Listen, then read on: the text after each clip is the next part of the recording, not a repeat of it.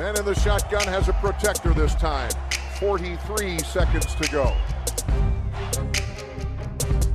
He scrambles around, throws it back corner of the end zone. Santonio with a touchdown! I don't know how he did it! What a throw! What a catch! What a game! No, Mike 43, call 57. That suffocate him! Make him miserable all game long! Get us the ball back! Love him or hate him, but he was Brad. Hej, du lyssnar på veckans NFL med Mattias, Lasse och Rickard när vi ska eh, kolla på lite All-star-lag idag och eh, såklart prata lite om eh, de senaste nyheterna, lite om matcherna eh, och eh, påminna lite grann om att eh, trade deadline närmar sig. Men eh, Lasse, det blev ännu en vecka med ja, ska man säga, underliga resultat, eh, tidigare favoriter och storlag som föll och lite slarvigt, ganska mycket skador. Ja, ganska konstig vecka på en konstig säsong. Ja, verkligen så. Eh, en röd tråd går ju att finna där, eh, har ju vi och många andra konstaterat. Det är att eh, precis som tyskarna, tyska landslaget i VM 94 så, så börjar ju GAM-kubisarna se lite gamla ut. Du har eh, Aaron Rodgers som just nu inte ser purfärsk ut, Matt Ryan i ja, Rodgers då med Packers som förlorar. Matt Ryan med sitt Colts förlorar. Tom Brady, är han gammal till slut eller? Förlorar i alla fall ganska tydligt mot uh, storspelande Panthers och kan bygga vidare den listan mer egentligen. Men, men uh, ja, uh, de som har burit sina lag så länge uh, bär de inte på samma sätt längre. Det ligger något i det. Ja, det, så det, det kändes nästan som att så här, man undrar vad som pågår i Tampa Bay, om det är en sån här medveten match där man pajar Panthers tankförsök och liksom förlorar den i flyt. nästan så illa såg det ut stundtals. Ja, jag tror att de har haft, de har haft många sådana här eh, matcher där de bara har varit total stiltje i mm. anfallet mm. långa, långa perioder. Så det är inte första gången, men att de liksom lyckas spela så här dåligt anfallsmässigt och göra så här få poäng. De gjorde tre poäng mot Panthers som kanske har varit det sämsta laget i NFL i år. Eh, ett av de tre, fyra sämsta i alla fall. Eh, och eh, lyckades eh, inte komma ur det på hela matchen är ju någonting som man extremt sällan har sett med Brady som QB. Ja, verkligen så. Och eh, vi hade ju också en stor trade också där innan veckan drog igång, så vi kanske ska börja där, för det hände ju faktiskt innan de här matcherna och så kan vi komma in och kommentera några av resultaten där, utan att vi ska fastna på det för länge, för vi har ganska mycket att prata om idag. Eh, men 49ers, San Francisco 49ers bytte ju till sig eh, Christian McCaffrey från just Panthers då.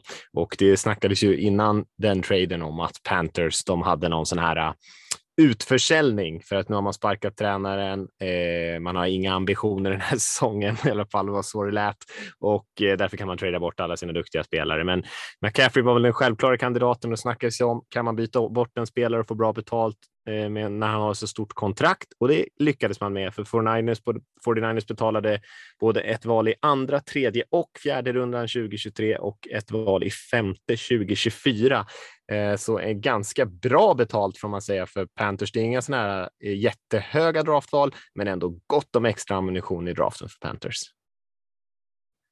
Ja, jättebra för Panthers. Det, alltså ska de bygga om hela det där laget eh, och försöka hitta någon sorts typ av fungerande anfall så är det ju ganska, ja visst, det ligger i Christian McCaffrey en bra spelare, men det är ganska skönt att inte behöva ha så mycket pengar som ligger på running back positionen och möjlighet att plocka upp spelare via draften. Så, jättestor vinst tycker jag för Panthers. Jag tycker lite väl aggressivt av 49ers. Eh, jag, jag tycker inte att han är värd så där mycket draftkapital.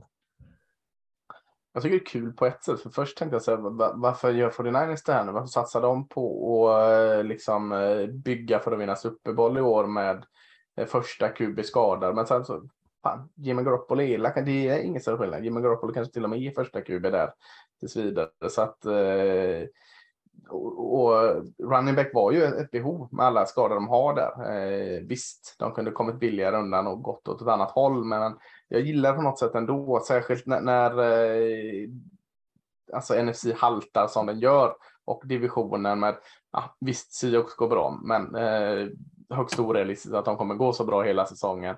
Rams hackar ju och Cardinals, visserligen trummar de på en imponerande vinst där, men den är ju lite up for grab den divisionen och eh, ja, i slutspel förra året så var det inte någon som trodde på dem och gick ganska långt. Så, jag, jag, jag håller med vad du säger Rickard. Det kostade kanske lite mer än vad det, sma eller vad det smakade. Eh, framförallt låsa upp sig med McCaffrey med den lönen, men ah, det är någonting i det jag gillar ändå. Man kan ju ganska mycket om, de finns ju en del kopplingar mellan Stanford-kopplingen, eh, Ed McCaffrey som är Christian McCaffreys pappa som har en relation med Shannon han tror jag, Shanahan pappan och Kyle Shanahan han suttit barnvakt åt Christian McCaffrey när han var eh, liten bebbe och så där. Så det är ganska mycket eh, personliga kopplingar. Jag vet inte om det är bra eller dåligt, men man kan ju bara konstatera att, att det är så att man har ganska mycket relationer däremellan. Ja, eh, ja, jag, jag tycker ibland så när man ser sådana här trades så får man kanske sära på eh, för mig i alla fall, att eh, om man tycker att det är liksom kul, kul för sporten, kul att 49ers får in liksom ännu en sån här explosiv, spännande skillspelare och om man, hur man vidare tycker att det liksom är liksom, eh, smart eller liksom bra betalt. Jag, jag kan ju tycka att det är klart, med tanke på hur mycket vi har sett att running backs ah, många gånger ganska utbytbara.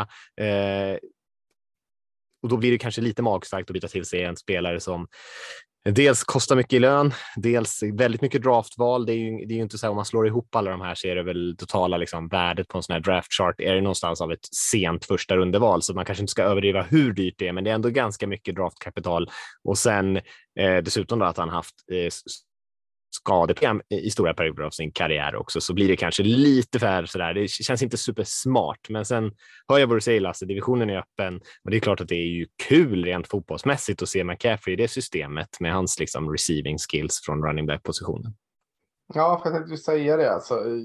En gammal hederlig running back, så kan man inte riktigt tänka. För, alltså, det hade bara varit en en, en eh, running back som kör inside zone eh, fyra kvartar så, så hade jag nog mer tendens att hålla med det där. Men här har vi ju en hybridspelare. Alltså du, du eh, såg ju redan när han hoppade in här i helgen knappt liksom lät sig vilken färg han har på tröjan.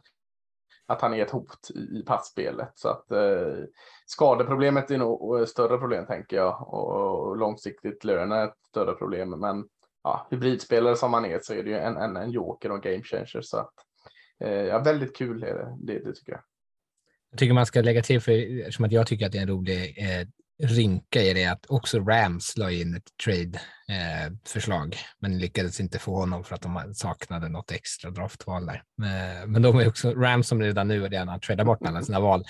Eh, jag vet inte hur de, hur de gör. Det känns som de fuskar så mycket liksom draftval de lyckas byta bort. Men eh, de var ju också sugna på honom och det är samma typ av offensivt, eh, inte samma, mm. men liknande offensivt system i alla fall. Med det outside zone springspelet. Eh, så förhoppningsvis så kommer han väl glida in och passa alldeles utmärkt i just den rollen. God, god situation för Panthers eh, general manager där.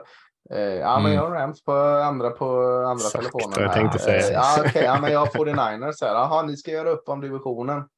Mm. Ja, Eh, bring it. Eh, fantastisk situation. Ja.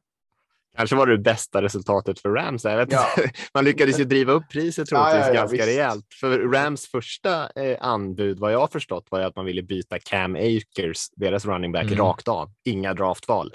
Eh, och sen så lyckades priset liksom trissas upp till att de la till flera val till det och sen 49ers då bjöd över ännu dyrare. Så, eh, och även fast Rams kanske tycker att det är trist att de inte fick McCaffrey så lyckades de i alla fall med någonting. Mm. Tror ni att Panthers general manager även ringde Pete Carroll ändå? Du, divisionen, running back. Du gillar ju running backs. De är väl rätt nöjda med sin. Hör, här nu. Ja, ja, men ändå Pete Carroll kan ju inte hålla sig borta för en running back. nej, nej, vet vi sen gammalt. Det vet vi sen gammalt. Kanske, nej, någon fick dra bort Pete Carroll från telefonen. Nej, nej, nej. Rycka sladden bara. Uh, nej, det är ganska ja, mycket running back älskande uh, ledningar i alla de här klubbarna i mm. NFC West. Jag vet inte riktigt vad som händer, men uh, ja, ska vi hoppa in där lite grann och kika på resultaten. Där. Vi har redan nämnt Panthers som eh, bytte bort McCaffrey där och som var den stora skrällen kanske när de spöade Buccaneers med 21-3. Eh, och i övrigt så var det väl inga sådär eh, jätte jätteskrällar. Eh, jag såg den här matchen mellan Giants och Jaguars bland annat som blev 23-17 till Giants, men Eh, Giants var, Barkley var ju fantastisk, Saquon Barkley i den här matchen. Danny Jones mm. gjorde en väldigt bra match, särskilt med benen. Eh, jag twittrade om att han måste ju ändå vara liksom en topp fem springande QB i NFL och jag tycker att han framförallt har väldigt bra beslut med bollen när han väljer att springa och när han springer bollen så springer han ju liksom nästan alltid för sådär stora liksom eh, chunks med yards eh, och jag tycker han gör det väldigt bra och det är väl det som gör att det lyfter upp honom till liksom en, en tillgång för Giants ändå. För i passningsspelet så kan han ju vara lite ojämn, men med den här dimensionen med benen så, eh, så blir han ju som ett helt paket eh, liksom en ganska hyfsad starter ändå för dem. Ehm, sen eh, så var de lite slarviga i slutet på matchen, framförallt Saquon Barkley som sprang out of bounds två gånger där i slutet, så Jaguars fick ju faktiskt tillbaka när de skulle döda tid då och Jaguars fick ju faktiskt tillbaka eh, bollen med en minut kvar och lyckades ju på något sätt med massa slarv från Giants med penalties och allt möjligt driva hela vägen ner och lyckas sätta en passning. Eh, men eh, receivern i, i Jaguars eh, gick ner på i en eller två yardslinjen precis utanför Giants ja. endzone. Så det blev ju väldigt dramatiskt på någonting som, ja, de hade ju redan börjat fira på sidlinjen eh, innan domarna kom fram till att Barkley hade varit out of bounds då. De satte tillbaka lite tid på klockan. Så det kanske lite onödigt spännande i slutet. Ja, det är en kul, eh, alltså liksom, det är lätt liksom att trycka ner Daniel Jones, eh, ofta med bra belägg i, i eh, liksom, eh, laddad bössa. Men kul att du lyfter det, att han är väldigt liksom, effektiv i springspelet, vilket också är en jäkla gåta. För även när han springer, han ser ju inte alls ut atletisk. Älga alltså, på. Ja, ja, nej, men det är lite så som att, ja, men fan, vad, jag vill sätta in Klas Ingesson som eh, quarterback och så de här älgakliven är liksom, ser ju inte alls ut något för världen. Men, men eh, ja, jag håller helt med dig. Han är oerhört effektiv i springspelet. Han snittar ju 10 yards tror jag, i den här matchen per springspel. Han hade ju ja kan ha haft över 100 yards eller någonting i matchen. Eh, det var ju helt avgörande. Man hade inte vunnit mm. annars. Ja, absolut. Det känns ju roligt. Man har ju pratat så mycket om att han ska att de hela tiden sedan han draftades man ska försöka få honom att utnyttja sin atletiska förmåga mer och mer och mer. Det känns som att det har lossnat ännu mer i år. Mm. Mm. Han är ju en liten Josh Allen light. Det har ju mm. kanske alltid varit. Det är kul att se Barkley också, ännu en match tycker jag. Eh, verkligen den här eh, college-spelaren man såg förut med de här mm. jump cutsen och ja, men oerhört bara kreativ. Man känner att han studsar omkring där ute, verkligen helt återställd från sina skador och eh, piggare än vad jag sett honom flera år. Jag tycker att det är väldigt roligt att se honom spela. Håller helt med. Ja, jag har inga mer skräll, skrällar. Eh, Packers. Eh, oh, just det. Får vi, mm. får vi väl, eller eh, har du gett upp så mycket på Packers nu som alla Packers-fans att du inte ser det som en skräll att Washington vinner ändå med 23-21 mot Packers? Ja, det var väntat faktiskt. Ja.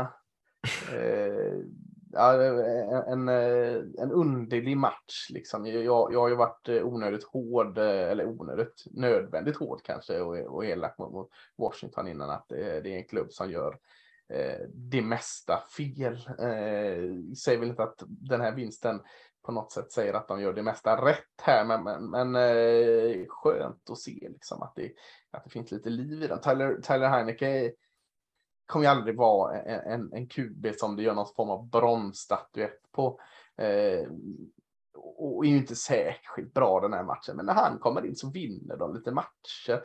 Brian Robinson här, eh, eh running backen från Alabama, så helt plötsligt liksom, tog yards. Eh, så det känns inte som att bara var Terry McLaurin i offensiven eh, för en gångs skull. Så eh, ja, kul att se lite liv i Washington. Sen, sen kan man väl då frågasätta vart livet fanns i eh, Green Bay Packers. Men, men eh, jag väljer att se liksom, att det finns någon form av framtidstro för, för Washington trots allt.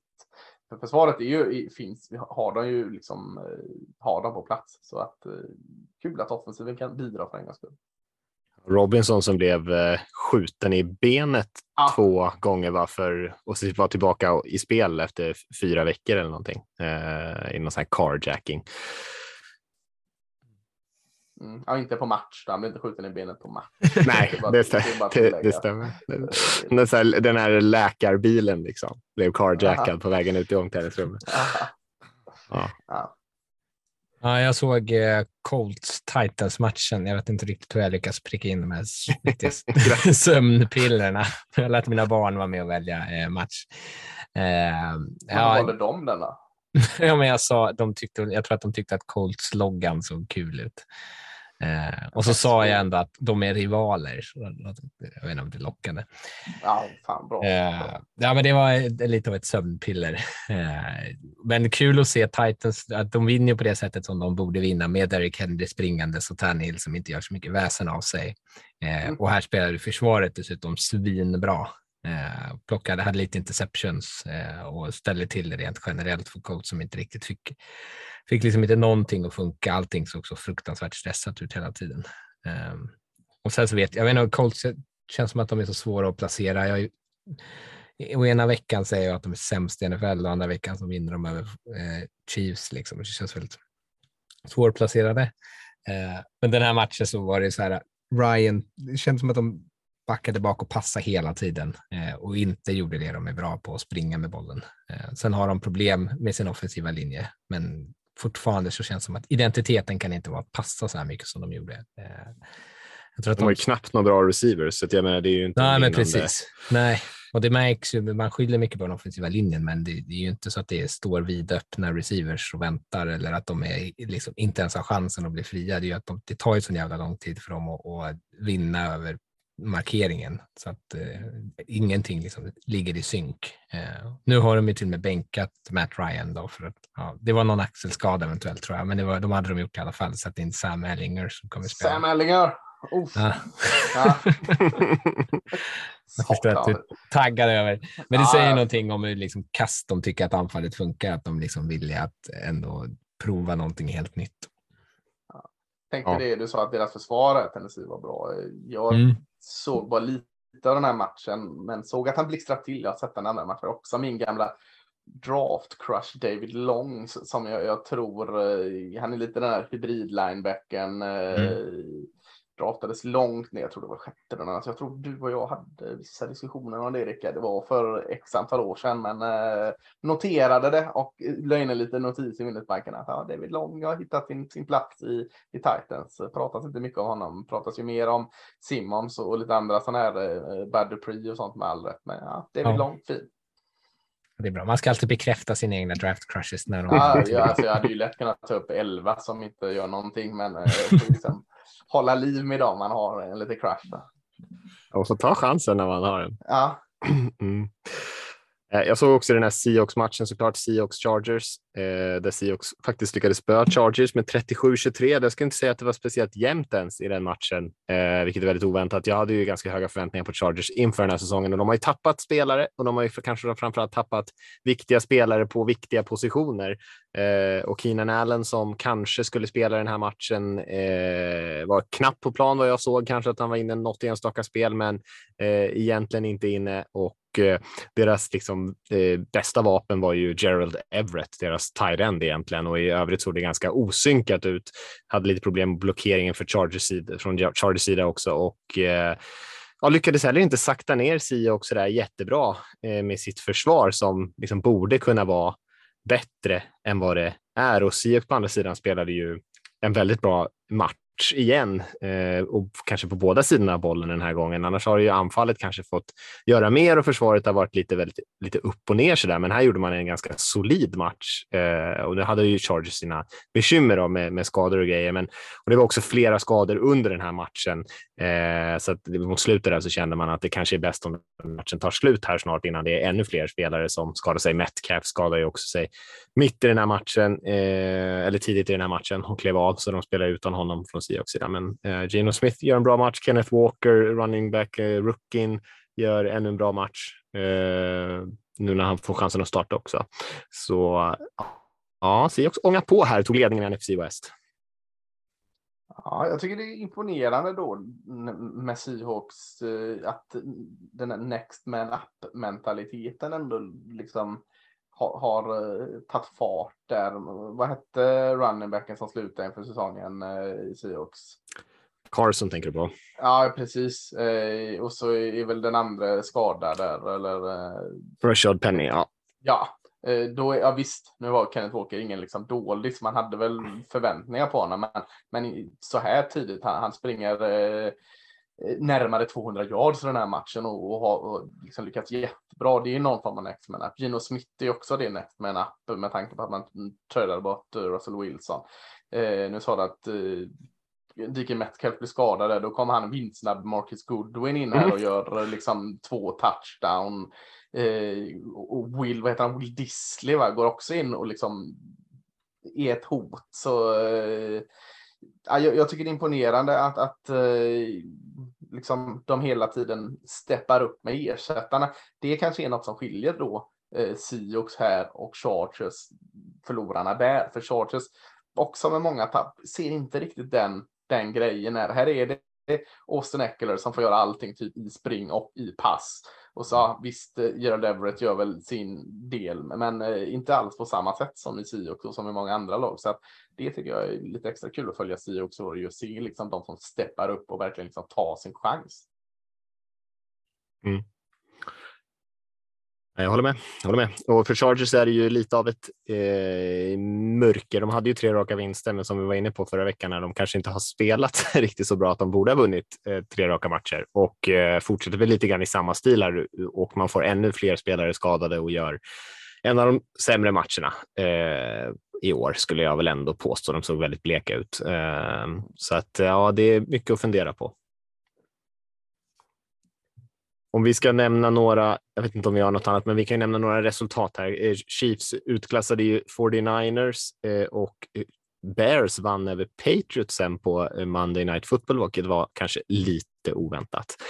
Vi hade också en, en Joe Burrow gjorde kanske sin bästa match för säsongen när Bengals krossade ett Falcon som trots stort, stort underläge bara absolut vägrade att försöka passa bollen med Mariota och eh, kanske ge lite Rickard rätt där på att eh, det är en ganska begränsad quarterback, att man, liksom, man ligger under med tre touchdowns och ändå springer man bara bollen för att man har egentligen inget passningsspel.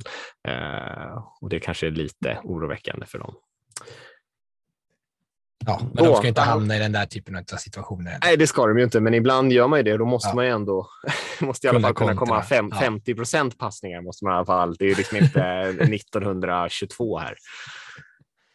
Tänk bara stanna upp snabbt på Bears här så, som har sina stora problem såklart, framförallt med offensiva linjen och men, men, det känns nu som att jag ska inte säga att Chicago Bears kommer börja vinna allt mer ännu, men jag tror de kommer vinna mer. Jag tror de kommer hamna på 6-7 eh, vinster minst i varje fall. Men det känns som att eh, de har lite kommit på eller kanske gett upp det här med att Justin Fields ska stå i, i fickan och eh, liksom leta targets utan tveka inte, ta bollen, spring, springer eh, väldigt effektivt i den här matchen och skadar dem mer med benen än med, med sin, sin arm.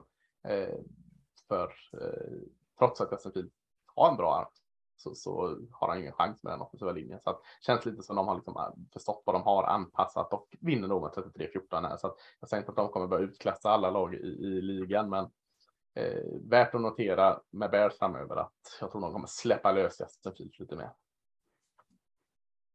Mm. Intressant är att eh, Eh, Belichick, som vanligt i och för sig, kanske då väntat vägrade svara på frågan där om, om Mac Jones ska få tillbaka sin startposition när han kommer tillbaka eller om Sappi ska fortsätta starta eh, som quarterback. Men eh, jag tror inte man kanske ska dra för stora växlar av det. Belichick hade säkert vägrat svara vad han än hade för svar. Eh, ska vi ta och prata lite om våra All-star-lag? Så kan vi nämna lite kring trade deadline när vi är klara med det. Eh, så eh, kör vi den ordningen.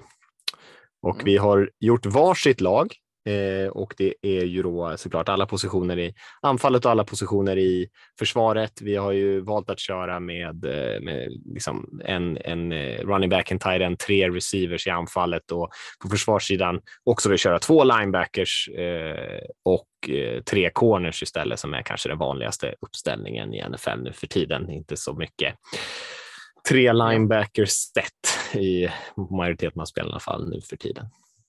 Ingen fullback med den här när du fick välja hur uppställningen skulle vara. Det, det är tråkigt. Ja, om man har petat sin det. running back för en fullback som man verkligen vill lyfta. Du kan ta bort det jävla wide receiver. Vad är detta för uh, West Coast offense? Alltså ta bort uh, wide receiver och in med fullback. Vad fan ska Vad heter han, eh, Ricard som är i Raven som jag blev så, eh, ah, Ja. man blir så förvånad varje gång man ser honom. Det är ju en gammal defensiv linjespelare som de spelar som fullback, men de ställer ju upp honom som, jag såg att de hade ställt upp honom som receiver lite grann i Ravens. Här i, det ser ju ännu roligare ut än när han står som fullback.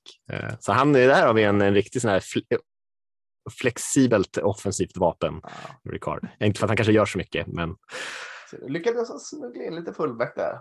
Mm. Fullbacksnack. Nu kan vi gå vidare.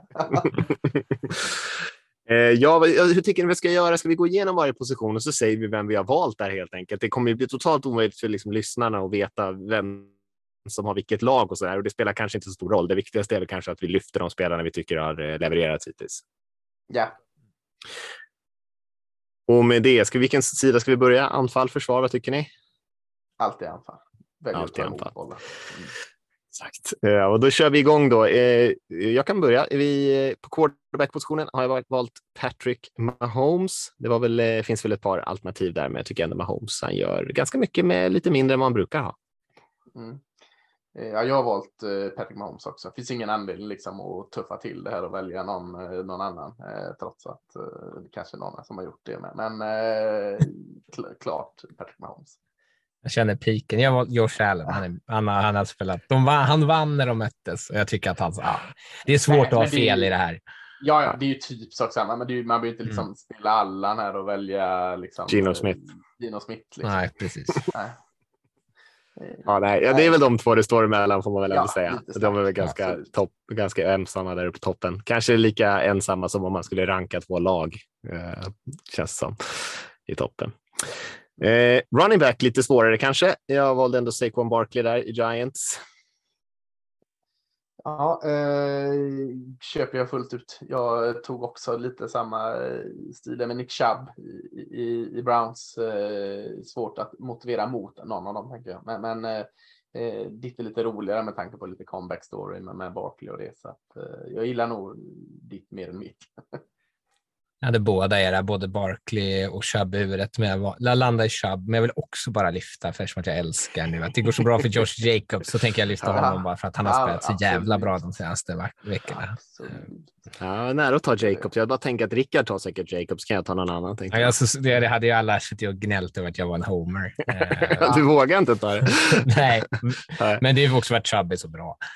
Så, Eh, ja, det är de ju. Men man får ändå säga att Jacobs kanske inte riktigt lika bra offensiva linjer som de andra två. Eh, Barkley, det är väl lite upp och ner, men det finns ju många duktiga spelare där på hans linje. Mm. Så ja, det, det, men det går att diskutera. Det finns ju många såklart. Om man väljer en spelare så är det inte.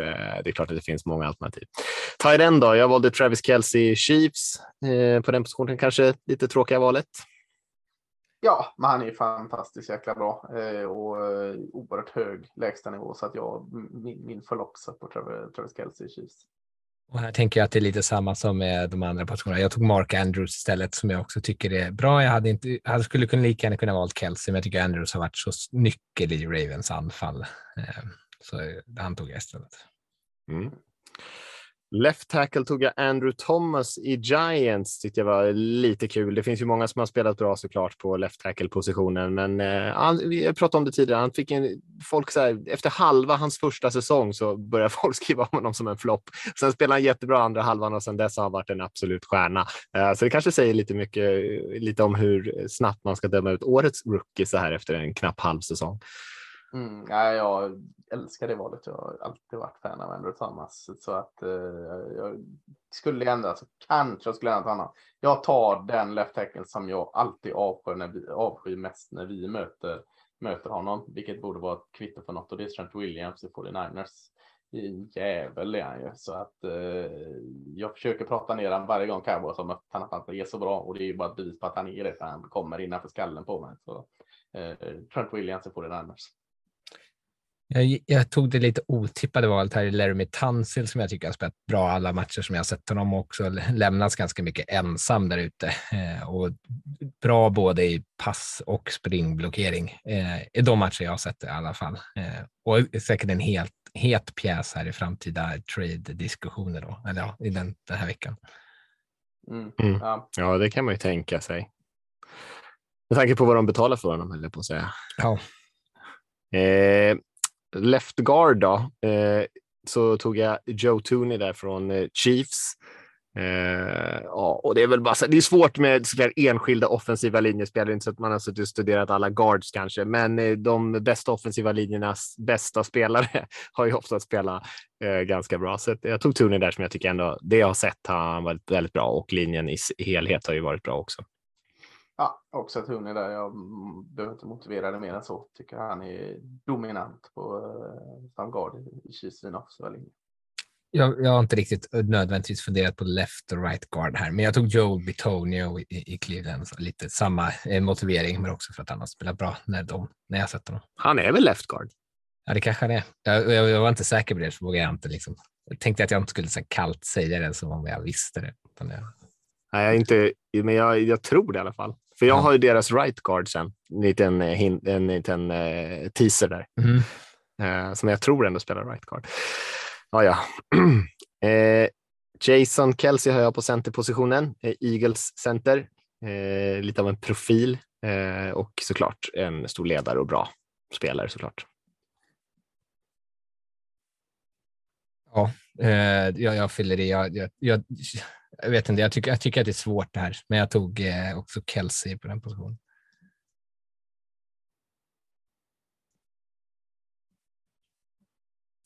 Lasse. Eh, Ja, Han blev sorry, jag chockad. försvann in i... Han, hat, han hatar centrar. Nej, Lasse Nej. tycker inte så om offensiva linjer, det är därför. eh, han kan ju inte se två stycken Eh, fick Panik Kelsey-brorsor. här nu när, när eh, ljudet gick bort. Eh, Berätta för mig. Vad sa du? Sa, sa du Jason Kelsey i Eagles? Ja, ja. Eh, Och jag fyllde i.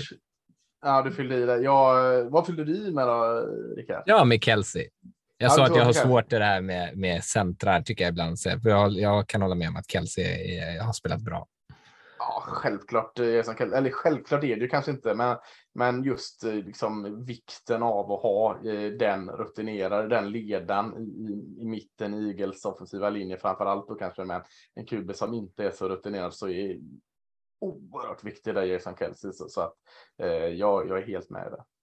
Det känns som att man gör luta lite tillbaka som du gjorde där med ditt draftval eller din draft crush där. Att man, att man säger, ah, Kelsey är så jävla bra. Och så när han gör någonting bra, så bara, fan, jag visste, han är så jävla bra. Ja, jag, känner att jag inte är helt liksom, objektiv i min bedömning, utan det är alltid så här, ah, också- älskar Kelsey, det där är bra. offensiva linjen personifierad, liksom det här, eh, hela hans aura, hans stil, allt det hamnar ju på pluskontot Ja. såklart. Ja, två Kelsey-brorsor i All-Star-laget. Mm. Det är ändå intressant. Vi har ändå bara kommit sex spelare in och det är två brorsor redan. Här. Så det är eh, intressant. Det lär inte komma några fler Kelsey-brorsor, inte som jag känner till i alla fall. Nej. Men eh, right guard, då, där har jag satt in Wyatt Teller, då, som eh, förutom ett fantastiskt namn eh, så tycker jag att det är, eh, och som spelar i Browns. Det är en spelare som bara kom från ingenstans för något år sedan och vi började prata lite om honom och han är ju inte någon så här eh, super eh, passblockerare kanske, utan mer än bara en, en köttare i springspelet som klarar passblockeringen helt okej, men han är så pass dominant i springspelet att det liksom kompenserar för det. Eh, Så det är kul att lyfta honom lite. Ingenstans. Jag hade ju andra runde grade på honom. Den jag beskriver honom som en grekisk gud i Han sin blev ju-. Han blev ju släppt av något lag innan han hamnade i Browns, va? För ingenting tror jag. Nej, de Eller? tradade till honom för något sent Ja. val, tror jag. Ah, Ja, ah, okej. från, Ah. Bills, va? Ja, ja, gamla brottan är jättefin, men eh, det räcker ju inte här när du har kanske du har ligans bästa guard som du inte tar. Liksom Zach Martin i Cowboys såklart. va, ett guard, det, är- det är ju inget snack om det och då är jag inte ens en homer. Jag tog Då honom får, då också, får du peta. Tooney. Eh, Nej, det gör jag inte. Eh, nej, det är inget snack om att Zach Martin är, är ligans bästa guard. Jag tog också Martin, Martin. Martin är också helt okej, det kan jag väl möjligtvis erkänna. Eh, right tackle tog jag Lane Johnson i Eagles. Utan motivering. Ja, ja, ja, han är bra. Eh, Jag tror Tristan Wirth i, i Buccaneers kanske inte varit lika dominant i år där, men jag tycker fortfarande han levererar på väldigt fint. Ja, jag du, din och min högersida Lasse ser likadan ut. Och också Ja, Tristan Wirfs där. Eh, tycker jag han spelar bra. Han är inte orsaken till att... Nej, jag tänker att han är nog en av få Ja, som spelar precis. bra där på den linjen. Ja. Eh, till receiver-positionen då. Eh, eh, jag kanske gör så att jag river av alla tre här, så kör vi det så. det. kanske lite Du enklare. vill ställa upp dem får du säga det också. Eh, ja, Så- jobbar du med en exakt. slott måste du jobba med här. Ja. Ja, men då säger jag ändå att Justin Jefferson i Vikings och Stefan Diggs i Bills spelar på utsidan och så sätter jag in Jalen Waddell i, från Dolphins i, på slottpositionen. Det är kanske lite mer oväntat val just Waddell, men jag tycker ändå att han han har ju spelat extremt bra tycker jag och är alltid öppen öppen eh, och rejält öppen för Tua där och dessutom får han ju inte alls lika mycket möjligheter och targets och sånt där som Tyreek Hill, kollegan där. Båda är ju fantastiska såklart, men han gör väldigt mycket av det han får att jobba med tycker jag och det är svårt att vara en nummer två receiver och ändå ha den produktion han har. Så jag tyckte det var. Jag tycker han var värd att lyfta upp här. Vad sa du? Du sa Jefferson, Wardle och Diggs eller? Exakt. Ja, just det. Eh, ja, jag har också Justin Jefferson. Eh, jag har. Eh, jag tog ut tre receivers alla. Jag hade kunnat se alla spela slott, men jag sätter nog med, med Cooper Cup i, Rams på min slott. Sen kan han alternera lite med min, min äh, tredje receiver då, eh, Tarek Hill i Dolphins. Eh, motiveringen kring eh, till eh, Tarek Hill är att jag är väldigt överraskad att han liksom var så lite än så länge Mahomes eh, och Andy Reid beroende. Han kommer in och gör så bra så snabbt i Dolphins. Det, det är än mer imponerande för mig än vad han gjorde i Chiefs. Så det är motiverat. För Diggs skulle jag lätt kunna sätta där också. Jag har kunnat ta samma som din eh, och Waddle också. Men jag är imponerad att Hill ändå kommer in och är så dominant snabbt. Ja, verkligen. Du och jag Lasse var det väl som pratade om där inför säsongen med Hill om traden dit, om det skulle funka eller inte och sa att så här, man kanske ska vänta sig lite sämre produktion bara för att mm. han går från Mahomes. Men det har ju verkligen inte varit fallet utan han har ju fortfarande varit fantastisk. Ja, verkligen. Ja. Det är trist att jag inte får nämna några nya namn här då. Eh, därför att jag ja, också Justin du får börja Jeff på defensen. Ja, precis. Jag har också Justin Jefferson, jag har också Stefan Diggs, eh, som jag tycker framförallt är kul att de flyttar runt honom så mycket nu. Eh, och sen är jag också Cooper Cup, för han är fortfarande lika öppen hela tiden, även fast de inte hinner få iväg bollen i tid och även fast han är det enda offensiva vapnet som är värt att eh, hurra för där ute. Eh, så alla de tre spelar bra. Sen den här, just wide receivers kändes som att jag hade en lista på typ tio namn som jag tyckte kändes aktuella. Ja. Ändå. Ingen tog Jamar Chase till exempel. Nej, precis. Nej. En av dem. Ja. Nej, och de har väl kanske varit, han har ju fortfarande varit extremt produktiv, men de har väl varit lite mer hackiga, Bengals mm. anfall. Så då, mm. tänkte, då blir det han liksom lite lidande av det. Han har ju gjort sin, sin del får man ju säga. Men eh, ja, det är lätt att man ramlar in på de här som har kanske imponerat lite deras anfall. Eh, ja, spännande. Vi var inte så långt ifrån varandra. Eh, ska vi hoppa in på försvarssidan då? Jag, du kan ju faktiskt få börja Rickard. Det är väl, eh, det är väl kul. Ja, tack. Kör vi edge rushes först eller? Bestäm du. Ja, då gör jag det. Ska jag ta båda två eller en per sida? Jag har inte alls tänkt per sida. Hade jag behövt göra det? Nej, det har jag Bra. Då har jag Micah Parson, eh, för Shocker. Eh, och sen så har jag tagit Nick Bosa, eh, som är båda två är helt fenomenala. Micah är väl kanske eh, defensiv MVP än så länge eh, och Nick Bosa ser ju precis lika bra ut som han alltid gör och så pratas aldrig tillräckligt mycket om honom fastän han är så sjukt eh, dominant. Mm. Jag gör ju också Micah Parson. Eh, behöver man inte motivera. Det är hela frågan vart man ska sätta men ja, Ed ja. är cool, mm. coolast. Så. Sen har jag Max Crosby i Raiders. Oj, Känner att de behöver representeras här trots sitt record. Jag tycker han är oerhört fin. Alltså, oerhört, liksom, alltså, man, det jag har sett av Raiders så är det alltid han jag ser först i, i det försvaret. Liksom, han som sticker ut, liksom, som gör något eh, som är alltid ett hot. Så eh, det är tuff konkurrens på de här platserna. Jag hade också kunnat ta ett, eh, någon av Bosa-brorsorna där, men ja, rolig jäkel Max Crosby. Ja, jag samma som dig Lasse, Parsons och Crosby. Jag tycker också att Crosby kanske inte har eh, fått ihop eh, riktigt eh, saxen än så länge den här säsongen, men jag tycker väl ens och han har ju haft säsonger tidigare där han har du vet, lett ligan i pressures eller haft en jäkla massa pressures, men kanske inte fått lika mycket mm. uppmärksamhet mm. som några av de andra sack-specialisterna. Men han är ju väldigt ensam också. Det är inte så mycket andra hot och jag tycker att han hotar liksom motståndaranfallet på nästan varje spel. Han är extremt så eh, pålitlig att alltid liksom göra en, en, relativt bra snap tycker jag. Uh, I alla fall de flesta matcherna jag har sett. Så uh, ja. Ja, jag tycker också innan, alltså att det här, bara ta det snabbt med, med sack kontra pressure. Jag tycker det är, man kanske lägger det, ofta, visst det är kul med den här säcklistan, men eh, man lägger lite för stor vikt vid sax kontra lite vikt vid pressure. Eh, pressure är oerhört viktigt och eh, kan leda till så mycket annat, liksom så många picks, så många andra saker. Så att, eh, pressure absolut inte underskattat. Eller är underskattat menar jag, förlåt. Att inte underskatta i alla fall. Jag håller med. Ja. ja, insidan, insidan Rickard. Ja, förlåt. Ja, eh, jag tänkte att nu har han glömt bort att han, han jag har liksom leaden här. Defensive tackles. Då.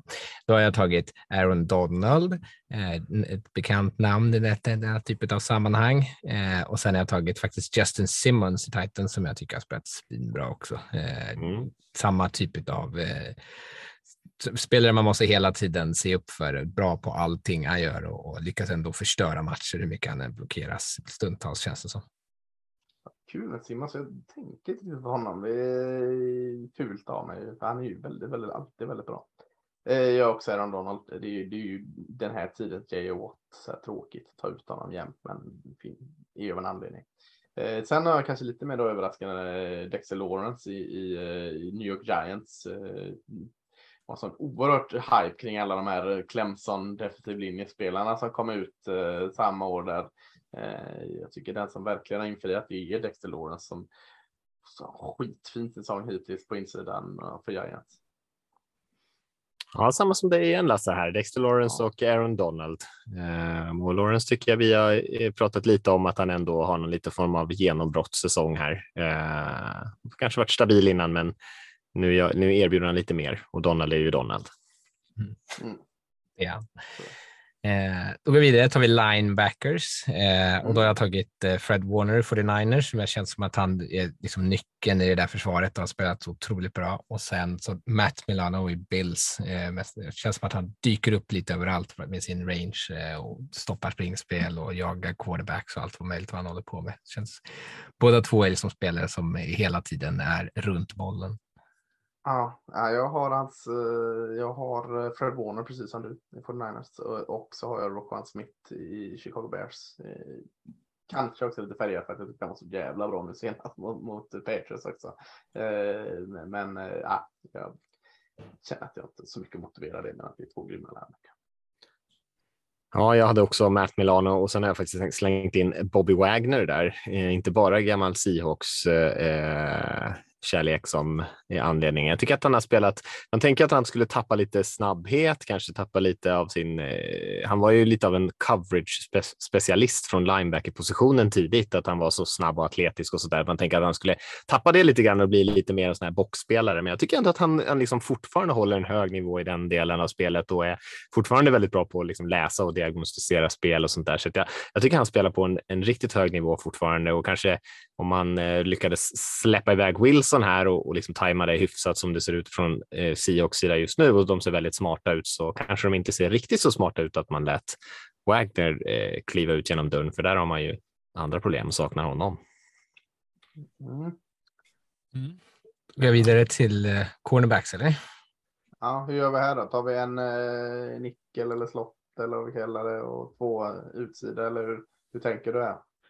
Eh, jag tyckte på förhand att vi borde göra det och sen så ville jag inte det för att jag ville smita in.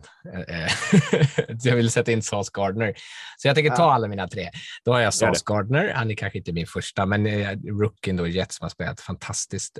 Pat Surtain i Broncos som är helt fenomenal. Så clean. Och Darius Slay, vilket är kul att han har fått lite av en revival där efter att han har, hade ett dåligt år och nästan folk räknade bort dem. De spelar ju svinbra nu. Ja, Darius Slay har jag också. Eh, jag tycker också han är skitbra. Eh, sen sätter jag in eh, Kenny Moore från Indianapolis Colts som någon form av eh, slott, corner eller nickel, eh, nickelback. Eh, eh, och så kan ni aldrig få mig att peta Jalen Ramsey i, i, i, i Rams. Oerhört svag på honom. Så att eh, eh, ja, det är den eh, närmaste liksom, att spela på en ökonen jag kan komma på. Mm, eh, mycket samma som era. Jalen Ramsey håller jag med om Lasse. Jag tycker att han är eh, svårt att peta från en, från en sån här lista. Tycker att han är alltid bra också nästan. Eh, även fast folk gillar att, att jävlas med honom när han ger upp lite någon touchdown eller långt spel och sånt där så är han ju extremt eh, stabil i alla delar av spelet egentligen. Och Patrick Surtain tycker jag verkligen gått från klarhet till klarhet som ett riktigt stjärnskott här. Kommit snabbt in i det och spelar bra nästan hela tiden. Sen på eh, slott-cornern där då fuskade jag lite kanske och slängde in JC Horn där i Panthers som eh, kanske är, spelar mest på utsidan. Spelar lite slott och sånt där också, lite nere i boxen och de flyttar runt när han ruschar lite och sånt där. Men han är egentligen framförallt en utsidekorner, men kan göra det mesta, så ganska flexibel spelartyp. Hade Mika Parsons spelat som slott så hade han varit det. Han skulle kunna ha vilken position som helst. Ja. Det skulle vara vart elva stycken Parsons bara på Lasses lista. Ja. Eh, safety går jag vidare till då har jag tagit Jordan Poyer i Bills och så har jag valt eh, en som jag, eh, lite som Lasse säger då med Ramsey, en av mina absoluta favoritspelare är Minka Fitzpatrick i Steelers som jag tycker alltid är, är bra. Mm, jag har också Jordan Poyer och Bills. Trodde jag skulle vara sticka ut med det valet. Fick man för det. Eh, oerhört fint tycker jag. Glöms bort emellanåt. Det pratas om eh, många andra. Men, men eh, ja, fint. Sen har jag lite samma motivering som Jalen Ramsey med eh, min safety Derwin James. Jag kommer alltid liksom plocka honom. Jag tycker han är, eh, spelar så kaxigt och så jäkla bra. Och så mm. oerhört fin playmaker. Så att jag, ja, jag är svag för honom. Mm. Eh, två an andra val. Det känns som att vi gillar samma safeties alla tre. Vi brukar också ofta gilla samma safeties i draften också tycker jag. Och eh, jag har tagit in, Ah, ja, kanske inte alltid. Hufanga var ni fan Nej. inte med på. Nej, jäklar Ta det inte upp skit. det där nu. Öppet mål när du säger så Mattias. Han är ju för fan linebacken alltså.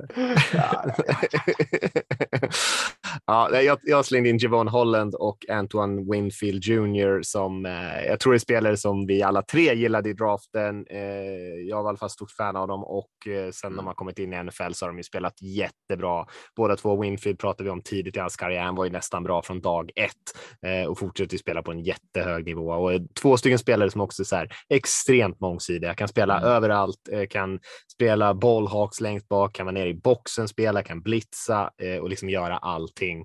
Eh, och de gör nästan allting bra också. Eh, så två unga roliga spelare tycker jag. Ja, Ja, verkligen. men kul.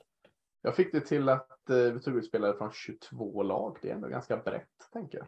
Mm. Eh, bara 10 lag som inte är representerade här. Eh, så, det, så det är intressant. Kul med spridning av de bra spelarna. Ja. Nu blir man ju nyfiken Verkligen. vilka tio lag det är som inte hade någon. Men det har du inte så här. Seahawks hade ju ingen spelare med här, det noterade jag. Ja, Washington, Houston, Seahawks hade ingen med.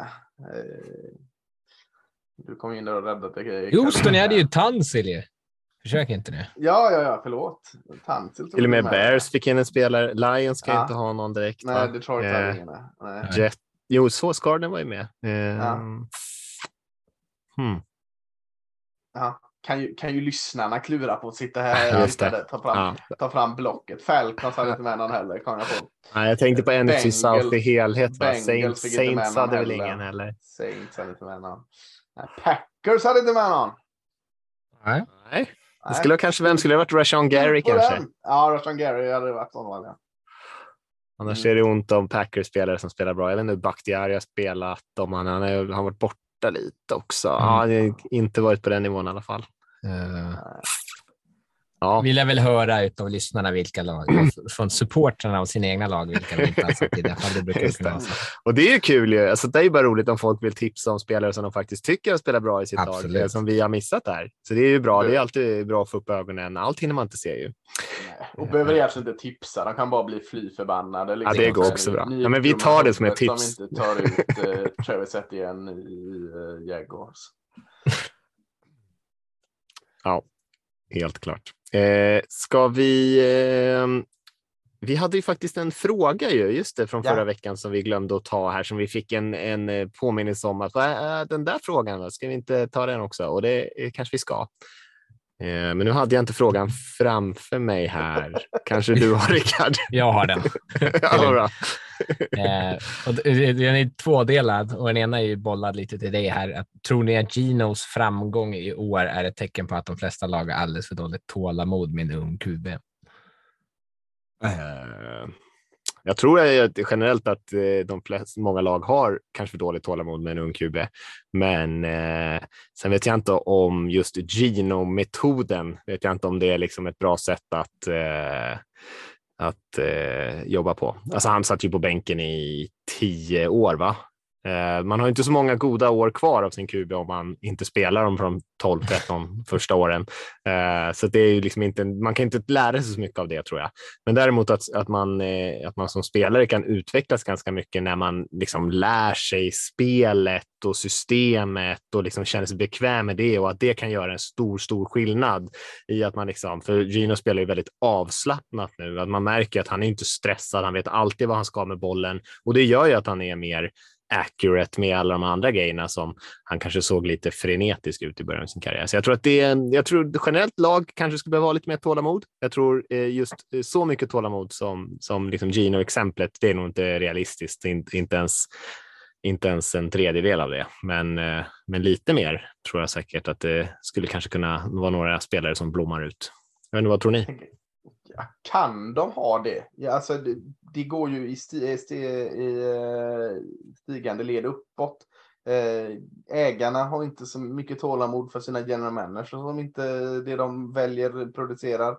General managers och ägare har inte lika mycket tålamod på sina coacher om inte det är produktion mer direkt. Alltså, det är ju mindre och mindre tålamod överlag i, i, i NFL och, och, och det har, måste väl ha med det att göra. Man, man har inte råd att sitta tre år och vänta på att eh, ja, ta exempel Zach Wilson i, i, i Jets nu som absolut kan utvecklas och bli så bra som många av oss trodde i college.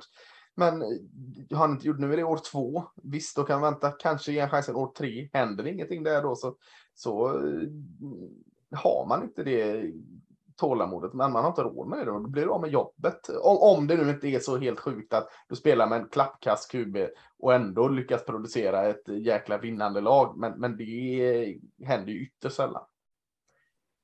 Ja, jag, jag tänker mig också att man eh, liksom hela grejen känns som att många lag stressar sig fram för att kunna hitta liksom nästa med Holmes eh, mm. eller så här, nästa så här, superstjärna och att lag många gånger liksom pantsätter hela laget för att få liksom draftkapital för att komma upp dit eller att man, liksom, man tradar bort spelare generellt så att man sätter liksom sina draftval i en ganska sunkig struktur runt omkring om man tar typ Fields som exempel i Bears. Eh. Och dessutom plockar man kanske spelare som har vunnit väldigt mycket på college med sin liksom atletiska förmåga där de kanske inte är liksom slipade rent taktiskt på den nivån som man måste vara i NFL. Eh, och sätter man då dem i en dålig situation där de eh, inte liksom får möjligheten att träna på det här eh, och man liksom försöker stressa fram det eh, så tror jag att man liksom utvecklar dåliga tendenser som spelare. Att så här, vad är den snabbaste lösningen på det här problemet istället för vad är liksom det långsiktiga, eh, mest eh, liksom, eh, givande. Ja, jag, jag håller med dig. Säger. Vad tror du då, om man tar exempel då Green Bay, Green Bay Packers här som med Love typ där. Att man blir av med Rodgers på grund av detta. Men att man, man sitter med ligas bästa kuber men hade då en bra liksom, offensiv linje byggd runt honom och liksom ta Jordan Love då, precis som du säger, och låter mm. han fortfarande sitta här och, och vad jag antar är utvecklas eh, bakom Aaron Rodgers. Eh, hur länge, liksom, när ska hans kontrakt förhandlas om, tänker jag? Hur länge kan man sitta så? Och eh, är det rätt väg att gå? Eller är det för enkelt att säga om det är rätt eller fel? Jag vet inte faktiskt. Eh, jag, jag, tror inte att Rogers är den bästa mentorn att ha framför sig, kanske. Eh, rent liksom, vem, om han delar med sig av alla sina kunskaper.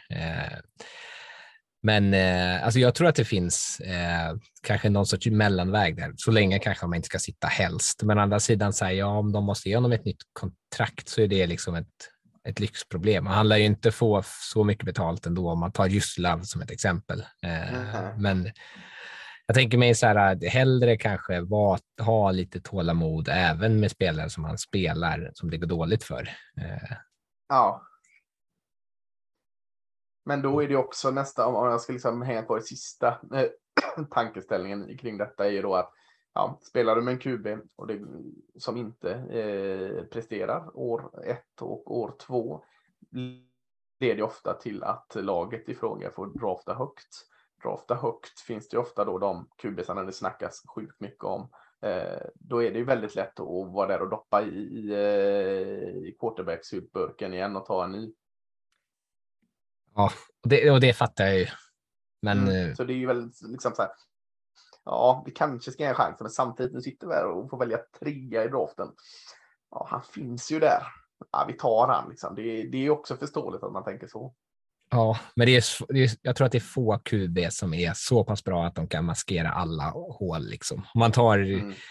Kirk Cousins eller Derek Carr, eh, den typen av så här eh, med duktiga, fast strax över medel quarterbacks. Eh, att man, lag måste kunna hitta sätt att vinna med den typen av spelare också. För om, om 32 lag sitter och försöker hitta liksom, nummer ett kuben så kommer 31 av de lagen misslyckas.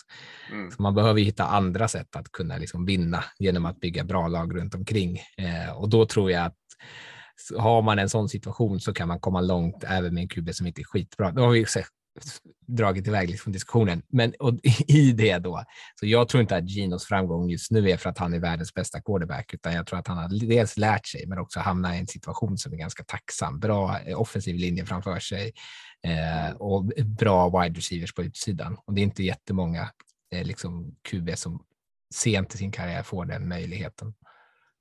Nej, det ligger något i det. Nej, och han har varit i systemet länge också. Som sagt, Ja. även i Seahawks har han varit länge, så han har ju verkligen hunnit lära sig alla liksom. Ja, alla svar då på testen. Så att eh, sen när man väl är veteran då så kanske det är lite enklare att, att genomföra dem på ett sätt eh, som man kanske inte kan göra när man är ung. Det är en intressant eh, diskussion där kring att lag måste lära sig annat, liksom att vinna på ett annat sätt också. Och vi kanske inte ska, som du sa, fastna i den diskussionen eh, hur länge som helst, men det finns ju mängder av exempel på lag som ändå har vunnit Super Bowl med relativt mediokra quarterbacks. Jag tänker ju, eh, ja, mediokra kanske är tufft att säga om Nej, typ en Eli. Manning eller något sånt där, men han var ju inte, han var ju inte en topp-QB, åtminstone inte en topp 5-6 QB. Joe Flacco när han använde en eh, Peyton Manning, hans sista år var ju mer en belastning än en tillgång. Eh, och det finns ju fler exempel på det. Matt Stafford är ju en bra quarterback och spelar bra i fjol, men han ledde också NFL i interceptions. Eh, så man, det måste ju inte vara en perfekt QB för, att- för att vinna allt. Liksom. Eh, så där, om, man, om man ser att kuben inte behöver vara perfekt, då kanske man kan ha lite mer tålamod. Men det är nog mycket press på de här coacherna. Alltså dels också från laget tror jag. Alltså alla andra spelare i truppen ser ju vad som händer på träningarna. Eh, och liksom har man en ung spelare som är betydligt mer lovande än, än den spelaren som startar, då, då eh, kommer man inte kunna hålla kvar den spelaren på bänken. För då vill ju de se det. Liksom det är ju bättre, det hjälper ju deras karriär också om, om man laget har en bra quarterback. Mm. Mm, men det var två Ja. frågor. Ju. Den första frågan tog sju minuter minst. Ja. Vad var andra frågan? Får vi rappa det här? Då, då riktar jag den till dig Lasse istället. Då. Nu när eh, Matt Rule är ute eh, och Urban Meyer var kass, eh, finns det inte en risk att fler coacher från college tackar nej till NFL? Och det känns också som att det var länge sedan någon från college hade någon framgång i NFL. Ja, eh, den har väl funnits eh, ett par år. Eh, även när Matt Rule valde att tacka ja till Carolina Panthers så gjorde han ju det med ett krav på det här långa sjuårskontraktet som eh, han nu sitter och göttar sig med. Eh, nu vet jag inte hur långt Urban Meyer hade kontrakt med, men eh, den har ju funnits eh, just av den anledningen och eh, det är väl för att eh, det var länge sedan det kom, kom upp en college-coach eh, som, som liksom eh, presterade under en längre tid istället för att glimtra till så, så, eh, så har det visat sig vara en svårare övergång än vad man lätt kan se. Det är ju lätt att se, ja, ja men kolla vad bra han gör i college här, men, men det är lite andra, andra liksom förutsättningar kring college och kring eh, eh, kring NFL. Så jag tror att det kommer fortsätta eh, bra, Eh, ett bra tag till på den trenden vi ser nu, att det är koordinatorer som eh, får steppa upp och ta eh, huvudtränarjobb. Men ska huvuden rulla i den här takten som de har gjort de senaste åren så, så är det ju snart också återrotation på koordinatorer igen här liksom. Så nej, jag, jag tror, åter till frågan, jag tror också att collegecoacher college-coacher tänker en extra gång eh, om de nu skulle få frågan. Jag tror inte det faller ner så vansinnigt mycket frågor till college heller.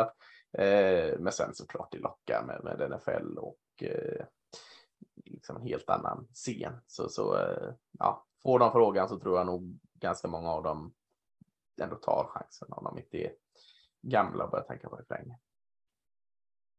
Mm.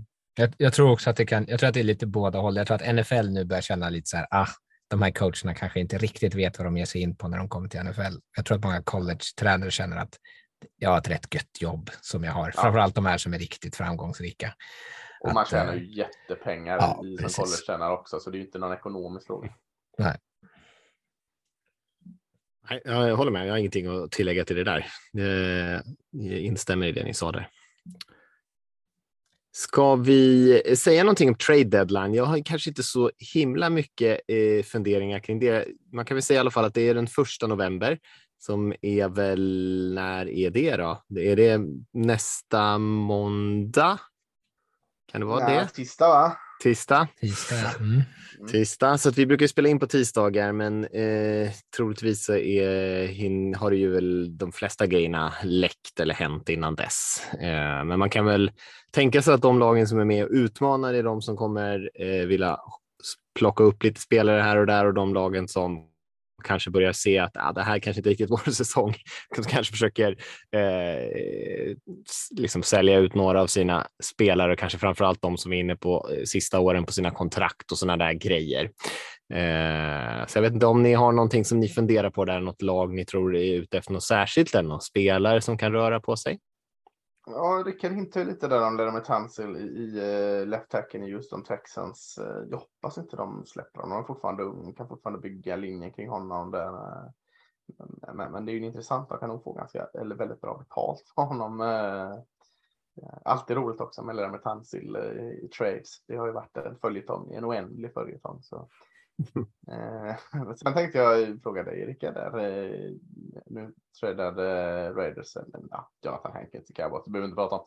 Men, men eh, de har väl mer eller mindre gett upp chansen på slutspel här nu. Eh, kanske inte riktigt än, jag vet inte. Men, men eh, med Jacobs som ser så bra ut, med att man inte valt att plocka upp hans option. Tänker du det? Försöker de vifta honom?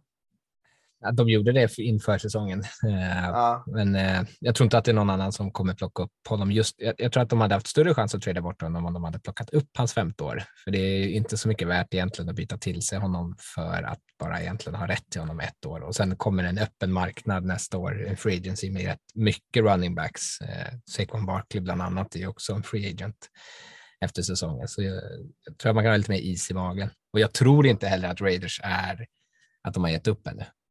Nej, okay. Nej.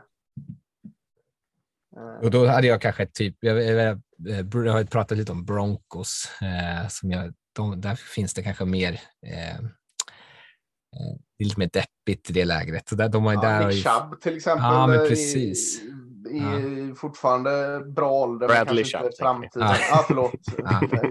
ja. sorry. Bradley Chubb, eh, Edge där, precis. Ja. Eh, borde man kunna få bra betalt för. Det, det hade varit något, eh, något stort där.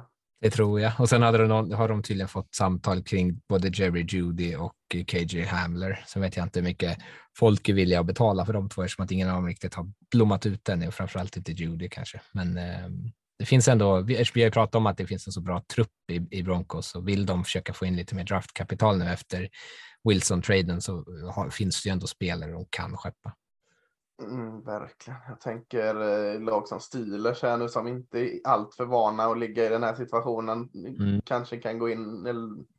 De har ju ändå eh, spelare av värde. Jag tänker kanske mest på försvarssidan. Sen en Cameron Hayward kanske man inte släpper, han är så dominant, men, men eh, borde kunna locka något där på insidan av defensiva linjen. Man har eh, en del spin, spännande spelare överlag i, i, i försvaret.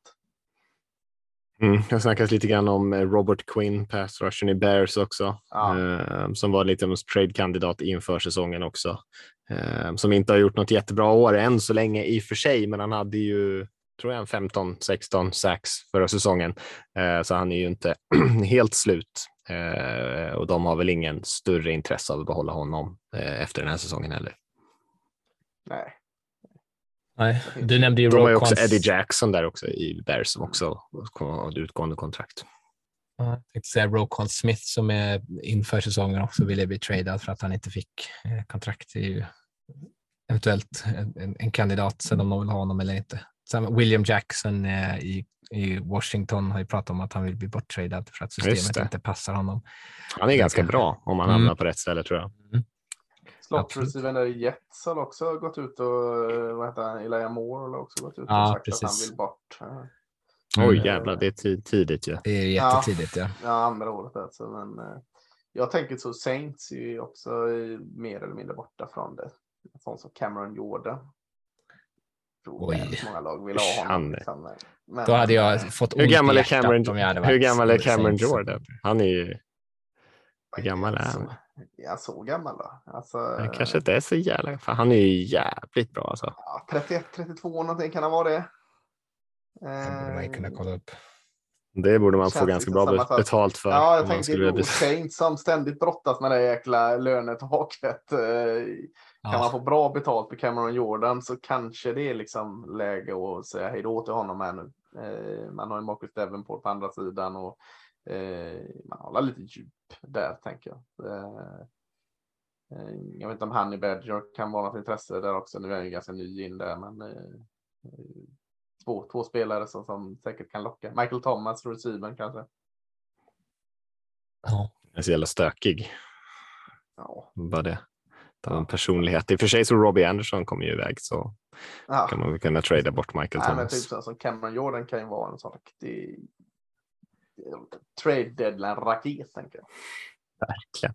Han vem skulle vilja ha honom tänkte jag då. Vem skulle inte Men, eh, vilja ha honom? Nej, jo, alla vill ju ha honom, men jag tänker att Ja. man måste ju vara lite desperat tror jag om man ska betala, för det kommer Ja, ju säkert Ravens. kosta.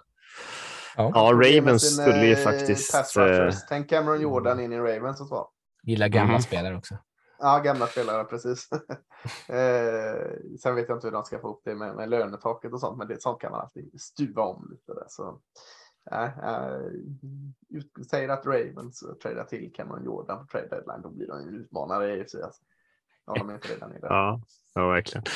Ja, det är många som behöver receivers också, men där finns inte så mycket. Vi pratade om DJ Moore i Panthers här eh, förra veckan tror jag, men eh, annars är det ju inte eh, så himla mycket eh, självklara. Michael Thomas nämnde vi nu här då, men eh, annars är det inte så mycket. Men där kan man ju tänka sig att Packers till exempel eller Ravens eller eh, ja, det finns säkert fler lag som eh, skulle behöva en eh, receiver. Mm. Bucks också skulle behöva väl sådana här mellan, alltså sådana här mellan receivers, andra och tredje. Så ta typ Josh Reynolds i, i Lions, ingen sån här wow-rubrik, men det är väl sådana som kommer flytta på sig liksom. Den typen tänker jag. Ja, säkert. Ja. Ja, nej, men det var ju ändå en del namn och lag som man kan Mm. hålla ett litet öga på. Eh, och vi kanske nöjer oss där för den här gången. Eh, och så får vi se om det har hänt någonting eh, när, vi, när det är dags att spela in nästa gång. Vi spelar väl säkert in precis under samma tid som liksom deadlinen är eller något sånt där. Eh, men eh, som sagt, det borde, det mesta borde ju kanske ha läckt till nästa tisdag. Eh, ska vi ta en liten snabb titt på den kommande veckan här? Det är ju kanske ingen sån där självklar eh, vecka nu heller med massor av såna där eh, liksom, eh, derbyn och spännande matcher och, och stora snackisar. Men det finns ju alltid något som vi brukar säga. Eh, och vad är det, något, är det någonting som fastnar lite för er? Vi kan ju också nämna det, eh, Rickard uppmärksammar oss på också, att det är ju faktiskt, eh, vi ställer om klockan, så att eh, det är ju London-match, den börjar redan 14.30 och sen börjar resten av matcherna redan klockan 18, så att det är ju skönt. Det är en av de bästa helgerna för oss som kollar på NFL här i Sverige. Verkligen. Eh, lyxigt. Det är nästan som man inte är trött när den här eh, nattmatchen börjar eh, 20 över ett på natten. Näst, nästan ska jag säga. Ja. Eh, ja, eh, ja, vad har vi för matcher? Vad är det för? eh, Det är Vad är den tidiga London-matchen? Ja, Jaguars såklart. Ja, Broncos Jaguars. Ja. Broncos är då för att köra den reverse jinxen då att ja, ja, det kommer ju bli en sån där London-match. Men det kommer det inte bli. Det här är ju två lag som är kanske jämndåliga just nu, så det kanske blir att London får jackpot i år. Wilson spelar troligtvis inte för Broncos vad jag har förstått. Så att eh, backup-QB där. Ja. Eh, hade kanske lika bra, kanske de vinner. Såg inte jättebra ut förra gången. Rip igen. Nej, det gjorde Ah, just- faktiskt nej, inte. Ta Nej. tillbaka allt. Ja. Ravens Bucks spelar torsdagsmatchen kan vi eh, nämna. Men Den är eh, det, ja, den är faktiskt lite spännande. Bucks är ju, hänger ju verkligen på lite på rep. Äh, de har vunnit rätt mycket matcher, det är väl ingen katastrof, men de måste ju börja spela bättre. Ja, absolut. Mm. Ja, men det är nästan en av, eh, alltså på förhand, eh, helgens bästa den eh, torsdagsmatchen. Eh, Synd att den ligger där. Ja, Bucks har ju tur i år alltså att de spelar i en sån ofantligt dålig division Ah. så att de liksom kan spela kanondålig fotboll och ändå vara liksom en lock i slutspelet nästan. Det är fascinerande. Sex matcherna då, vad har vi som sticker ut där? Det är inte jättelätt att plocka ut eh, några guldkorn. Eh, Ja, jag tänk- Pennsylvania-derbyt där i Eagles mot Steelers känns bara hett på grund av det, men inte annat. Jag tänker lyfta bara för det. Panthers Falcons är inte kanske den sexigaste matchen, men om vi redan då inför söndagen vet om Bucks förlorar mot Ravens, vilket de lär göra, så kan ju Falcons faktiskt ta divisionstiteln om de vinner den matchen. Eh, och det trodde man fan inte, de talar inte titeln än va? Nej, nej, ledning. Jo, vi Vecka avslutar åtta titel. Eh, ja, men precis. Eh, och det trodde man fan inte på förhand. Nej, Eh, så då, ska, då ska jag ge dem en applåd där hemma. Eh, och de du- Man sett vinna. många power rankings där Falcons var rankade 32, så det skulle ändå vara Ja. lite oväntat om de eh, tar den. Eh, Går du med på att kalla det Mariota-effekten då? Definitivt inte. ja, det är ändå en god chans skulle jag säga, för de kan absolut, de lär ju slå Panthers, eller de borde slå Panthers och eh, Ravens är ju ändå eh, tydliga favoriter mot, eh, mot Bucks. Ja, men den är lite småtrevlig den matchen ändå. Falcons, eh, ja. Kanske i brist på annat, för det är inte så jäkla mycket. Vikings tar emot Cardinals, eh, känns inte heller liksom, den får man då lyfta fram i brist på annat. Kanske se Vikings ånga på då, som ändå är... eh, Vad gör de till 7-1 då, eller vad, har de för någonting? Ja, 6-1. 6-1 går Sex de ett. väl till då. Eh, och Cardinals kändes väl då eh, i alla fall offensivt eh, spännande igen med, med Kingsburys Madden-offensiv med den här eh, sjuka matchen mot Saints senast. Och jag vet inte hur det är status på eh, Står det still över vad Hopkins? Eh, Mm, han är tillbaka eh, Ja, han är han tillbaka. senast. Och han spel, ja, men han är, är fortfarande hel. Han haltar inte av. Jag fick någon sån här för mig att han gjorde det, men det gjorde han kanske inte alls. Eh, Inte vad jag såg, då- men jag tittade Nej. inte så noggrant i slutet när nej, matchen det redan var avgjord. bara vara något jag fantiserat ihop där. Men, men då är det ju lite spännande där. Eh, trots allt. Jag menar, Kelly Murray är är en, en av sina dagar och så mot- eh, ett stabilt Vikings. Får det på något sätt vara en, en eh, liksom highlight-match på, i tidiga i schemat. Jag kan tänka mig Ja, att det blir mycket poäng i den matchen. Mm. Jag tänkte säga det blir säkert mycket poäng i Raiders Saints matchen eh, och Raiders anfall ändå spelar bra. Deras försvar är ju klappkast. Eh, och det blir säkert otroligt mycket poäng när Dolphins möter Lions. Eh, Mm. ganska, eh, om man tycker om offensiv fotboll så känns det som att det i alla fall är positiv, eh, sex, eh, eh, po- positiva sex matcher. Tycker du om defensiv fotboll så har du en, en AFC East-batalj. eh, Jets tar emot Patriots. Mm. Mest för att det är liksom Jets kan gå upp och vara 6-2 med en vinst här och, och Patriots kan gå och vara 3-5 och ligga där och, och eh, cementera sig i botten av eh, divisionen medan Jets och Dolphins ändå på något sätt kanske får häng då på Eh, Jets kan ju, eller Dolphins kan ju bli 5-3 vid vinst mot Lions, där de bör vinna. Jets kan vara 6-2 och, och sjukt nog ha häng på, eh, på Bills, ja. Mm. ja så, som eh, i sin tur då på nattmatchen eh, tar emot Niners. Det känns jäkligt kul liksom att, att den lever trots att Bills är så jäkla bra. De borde ju ha dödat den divisionen tänker man. Tuff vecka för båda de där två lagen förra veckan. Patriots fick ju storspö och sen eh, Jets då som vann mot Broncos men tappade både eh, Elijah Vera Tucker, deras eh, guard och Breeze Hall, då, den duktiga rookie running backen till Ja. season ending injury. Så det är ju, ja, båda de där spelarna är ju viktiga för dem. Eh, och eh, Vera Tucker, ja, kanske till och med viktigare än Hall där, för han spelar ju väldigt bra på guardpositionen. Så att det, det var ju lite trist. Vi får se hur det påverkar dem här. Det är eh, ja, ett tungt bakslag i alla fall. Förloras två så viktiga spelare på en vecka. Ja, men jag skulle säga det. våra Tucker är ju då kanske ännu viktigare. Att Man tradar ju, det sa vi väl inte, de tradar väl till sig eh, James Robinson, running backen från Jacksonville här, eh, illa kvickt här nu när han gick ner. Så har Mm. kommer in. Robinson har ju ändå glimsat till och gjort jäkligt fina matcher förra säsongen i varje fall. Och så Michael Carter som också har en del liksom, löd i sig. Så att även att Breeze Hall hade en jättefin säsong så känns det som att man har en del djup där. Tuffare då. Ja, verkligen. Det är ju stabila. linjen. Ja. Stabila running backs. Mm.